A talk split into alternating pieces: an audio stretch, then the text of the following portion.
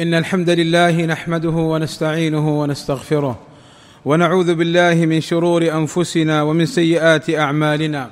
من يهده الله فلا مضل له ومن يضلل فلا هادي له. وأشهد أن لا إله إلا الله وحده لا شريك له. وأشهد أن محمدا عبده ورسوله.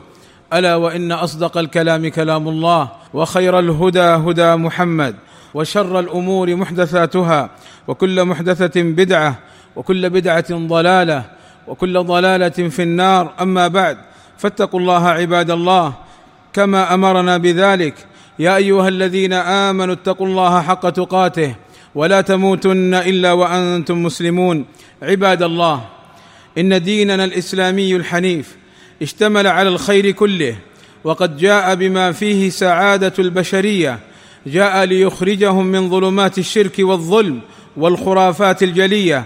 إلى أنوار الإخلاص والعدل والسنة النبوية وإن من أعظم الأمور التي نهى الله عز وجل عنها ورسوله صلى الله عليه وسلم الظلم لأن الظلم مرجع السيئات كلها فالشرك ظلم والبدعة ظلم والمعصية ظلم.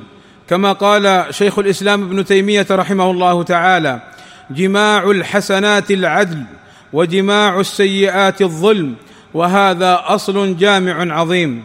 وقال أهل العلم الظلم حرام قليله وكثيره وتختلف آثامه على قدر اختلافه لأن للظلم وجوها كثيرة فأعظمها الشرك وأقلها لا يكاد يعرف من خفائه وجملتها لا تحصى كثرة.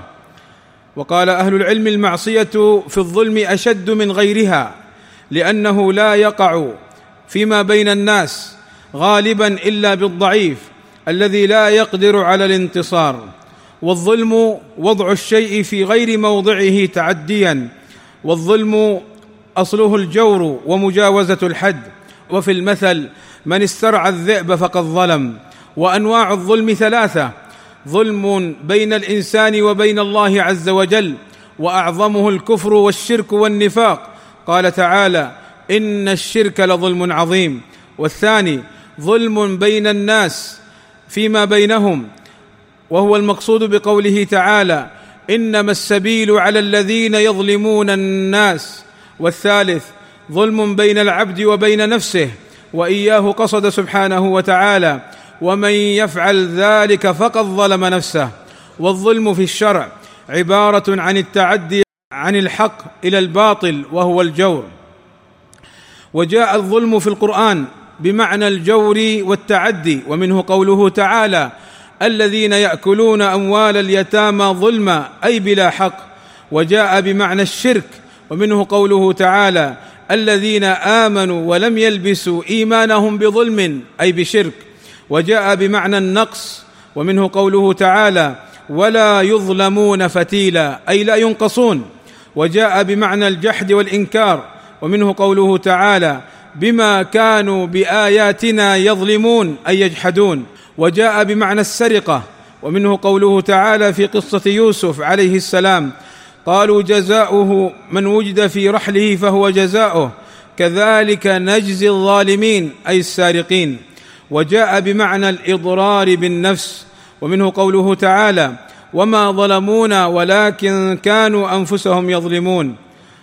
وقد نزه الله عز وجل نفسه عن الظلم كما قال عز شأنه وما الله يريد ظلما للعالمين وعن أبي هريرة رضي الله عنه قال قال النبي صلى الله عليه وسلم لا يظلم الله عز وجل من خلقه أحدا وعن أبي ذر رضي الله عنه عن النبي صلى الله عليه وسلم فيما يرويه عن ربه أن الله تعالى يقول يا عبادي إني حرمت الظلم على نفسي وجعلته بينكم محرما فلا تظالموا.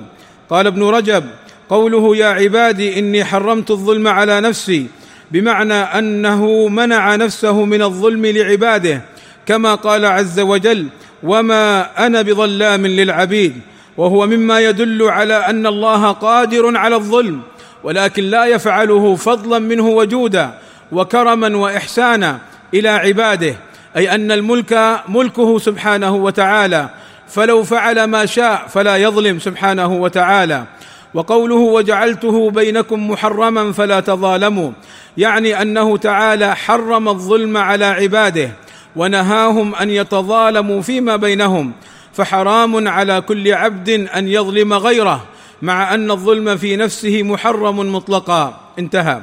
وعن أنس رضي الله عنه قال قال رسول الله صلى الله عليه وسلم إن الله لا يظلم مؤمنا حسنة يعطى بها في الدنيا ويجزى بها في الآخرة.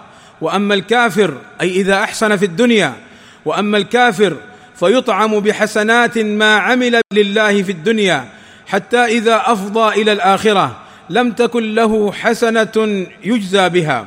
يعني أن الله عز وجل حتى الكافر الذي يحسن للغير في الدنيا أن الله يكافئه عليه في الدنيا ثم في الآخرة لأنه كافر إلى النار. وهذا من عدل الله وعدم ظلمه سبحانه وتعالى. وعن أبي سعيد الخدري أن النبي صلى الله عليه وسلم قال يخرج من النار يخرج من النار. من كان في قلبه مثقال ذرة من الإيمان. قال أبو سعيد فمن شك فليقرأ. إن الله لا يظلم مثقال ذرة.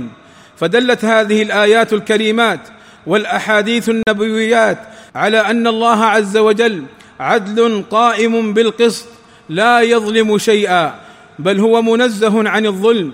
قال شيخ الإسلام ابن تيمية رحمه الله تعالى اتفق المسلمون وسائر أهل الملل على أن الله تعالى عدل قائم بالقسط لا يظلم شيئا. بل هو منزه عن الظلم. انتهى. والظلم وضع الشيء في غير موضعه والعدل وضع كل شيء في موضعه وهو سبحانه وتعالى حكم عدل يضع الأشياء مواضعها ولا يضع شيئا إلا في موضعه الذي يناسبه وتقتضيه الحكمة والعدل ولا يفرق بين متماثلين ولا يسوي بين مختلفين ولا يعاقب إلا من يستحق العقوبة فيضعها موضعها لما في ذلك من الحكمة والعدل. وأما أهل البر والتقوى فلا يعاقبهم البتة. قال تعالى أفنجعل المسلمين كالمجرمين؟ ما لكم كيف تحكمون؟ وقال تعالى أم نجعل الذين آمنوا وعملوا الصالحات كالمفسدين في الأرض؟ أم نجعل المتقين كالفجار؟ وقال تعالى أم حسب الذين اجترحوا السيئات أن نجعلهم كالذين آمنوا وعملوا الصالحات؟ كما قال أهل العلم والله أسأل لي ولكم التوفيق والسداد وأن يغفر لنا الذنوب والآثام والزلات. إنه سميع قريب مجيب الدعاء.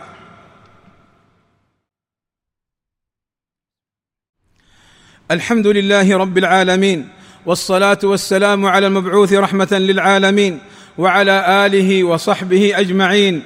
عباد الله إن عدل الرب يتعلق بجميع أنواع العلم والدين فإن جميع أفعال الرب ومخلوقاته داخلة في ذلك وكذلك أقواله وشرائعه في كتبه المنزلة وغير ذلك.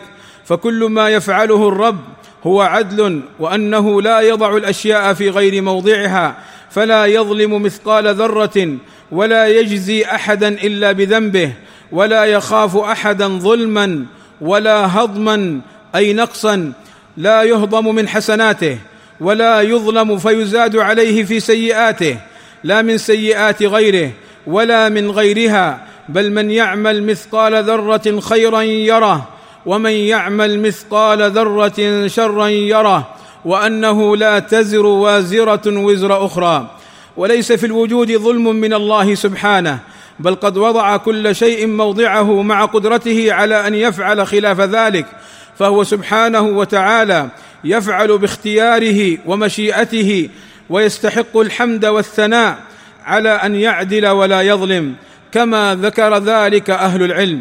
عباد الله قد جاءت السنة النبوية بتحريم الظلم بكل صوره وأشكاله وسنقف عليها إن شاء الله تعالى إن كان في العمر بقية في الخطب القادمة بإذن الله تعالى. اللهم وفقنا للعلم النافع والعمل الصالح واتباع سنة نبيك محمد صلى الله عليه وسلم. اللهم اغفر للمسلمين والمسلمات والمؤمنين والمؤمنات الأحياء منهم والأموات. اللهم إنا نسألك الهدى والتقى والعفاف والغنى. اللهم وفق ولي أمرنا لما تحبه وترضاه. اللهم وأصلح به العباد والبلاد. وصلى الله وسلم على نبينا محمد وعلى آله وصحبه أجمعين. والحمد لله رب العالمين.